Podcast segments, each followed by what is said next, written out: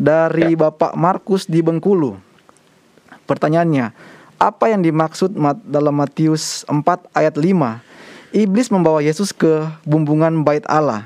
Bagaimana iblis membawa Yesus kok mau Yesus diperintah iblis? Kok mau Yesus diperintah oleh iblis? Apa pendapat Pak Pendeta? Baik pendeta saya bacakan ayatnya dari Matius 4 ayatnya yang kelima. Kemudian iblis membawanya ke kota suci dan menempatkan dia di bumbungan bait Allah. Demikian pendeta, silakan. Terima kasih untuk uh, pertanyaan ini. Kita lihat dulu sebelum itu apa yang terjadi bahwa menurut Wahyu pasal yang ke-12 ayat yang ke-7 sampai ayat yang ke-9 setelah Lucifer tidak mendapatkan tempat di sorga ia menjadi setan, iblis maka ia dicampakkan ke atas bumi ini, ia beserta dengan malaikat-malaikatnya. Adam dan Hawa jatuh dalam dosa karena mengikuti dan percaya kepada perkataan ular itu, ular tua itu. Iblis bekerja melalui ular itu dan mencobai atau menggoda Adam dan Hawa, Hawa dan Adam, dan mereka jatuh dalam dosa.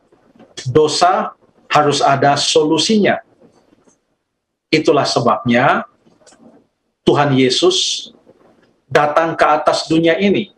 Coba saja kita lihat pada waktu kelahiran Yesus itu diumumkan dan namanya itu diberikan. Kita baca di dalam Matius pasal yang pertama ayat yang ke-21 ia akan melahirkan anak laki-laki dan engkau akan menamakan dia Yesus karena dialah yang akan menyelamatkan umatnya dari dosa mereka. Jadi waktu Yesus datang ke atas dunia ini, waktu bayi ia dinamakan Yesus, artinya ialah yang akan menyelamatkan umatnya dari dosa mereka. Setelah ia besar, ia melayani, ia juga berkata dalam Lukas pasal 19 ayat yang ke-10, sebab anak manusia datang untuk mencari dan menyelamatkan yang hilang. Dia adalah juru selamat dan tiga kali sebelum ia mati di atas kayu salib. Tiga kali ia memberitahukan tentang apa yang akan terjadi pada dirinya. Anak manusia akan diserahkan kepada tangan para pemimpin dan mereka akan menyiksa dia, menyesah dia, mengolok, meludahi dia, lalu membunuh dia, tapi pada hari ketiga ia akan bangkit. Dalam Lukas pasal yang ke 9 pun ayat yang ke-30, 31, 32 pada waktu Henok, uh, maksud saya pada waktu Musa dan Elia, pada waktu Musa dan Elia nampak di atas gunung itu di mana Yesus dimuliakan, Menurut Lukas pasal yang ke-9, di sana mereka membicarakan tentang apa yang akan dialami oleh Tuhan Yesus di Yerusalem.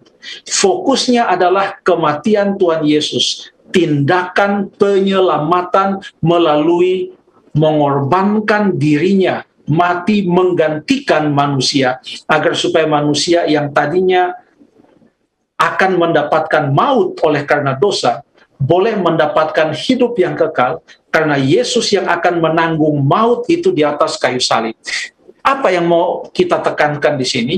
Bahwa datangnya Tuhan Yesus ke atas dunia ini, Allah menjelma menjadi manusia, adalah berdasarkan rencana keselamatan. Bukan karena iblis yang panggil dia, ayo turun kamu. Bukan. Tetapi adalah rencana keselamatan. Inisiatif penyelamatan itu datangnya dari Allah. Dia datang ke atas dunia ini dan dia tahu yang akan dia temui di atas dunia ini adalah iblis. Ini adalah medan pertempuran antara Kristus dan setan. Dan Kristus tampil sebagai pemenang di atas kayu salib. Jadi kalau setan membawa dia ke atas hubungan bait Allah, itu hanya sebahagian kecil dari pertempuran antara Kristus melawan setan. Justru kita harus lihat dari sudut pandang yang mengatakan bahwa Yesus tidak takut melawan setan. Pada medan pertempuran mana pun juga ia tidak akan melarikan diri dari setan. Sampai di atas kayu salib pun ia tampil sebagai pemenang.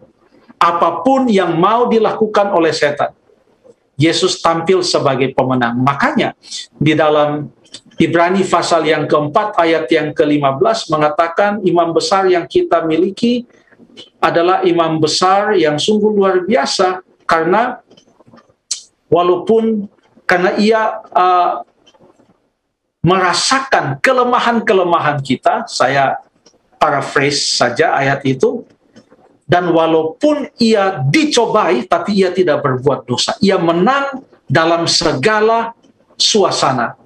Coba kita lihat di dalam ayat-ayat yang lain, karena tadi di dalam uh, Matius pasal yang keempat ayat yang kelima dikatakan iblis membawa Yesus. Kata membawa Yesus. Coba sekarang kita baca. Tadi itu hanya sebagian kecil dari pertempuran. Ini pertempuran yang lebih hebat lagi adalah puncaknya di salib. Coba kita baca Markus pasal yang ke-15 ayat yang ke-22. Markus pasal yang ke-15 ayat yang ke-22 okay? mereka membawa Yesus ke tempat yang bernama Golgota, yang berarti tempat tengkorak. Apakah boleh kita menanyakan pertanyaan, kok Yesus mau dibawa ke tempat tengkorak? Kok Yesus mau dibawa ke Golgota? Kenapa Tuhan Yesus mau dibawa ke Golgota? Dan ini dibawa oleh tentara-tentara Roma dan pemimpin-pemimpin Yahudi. Berarti tentara Roma dan pemimpin Yahudi lebih kuat dari Yesus. Kita tidak bisa mengikuti pola pikir seperti itu.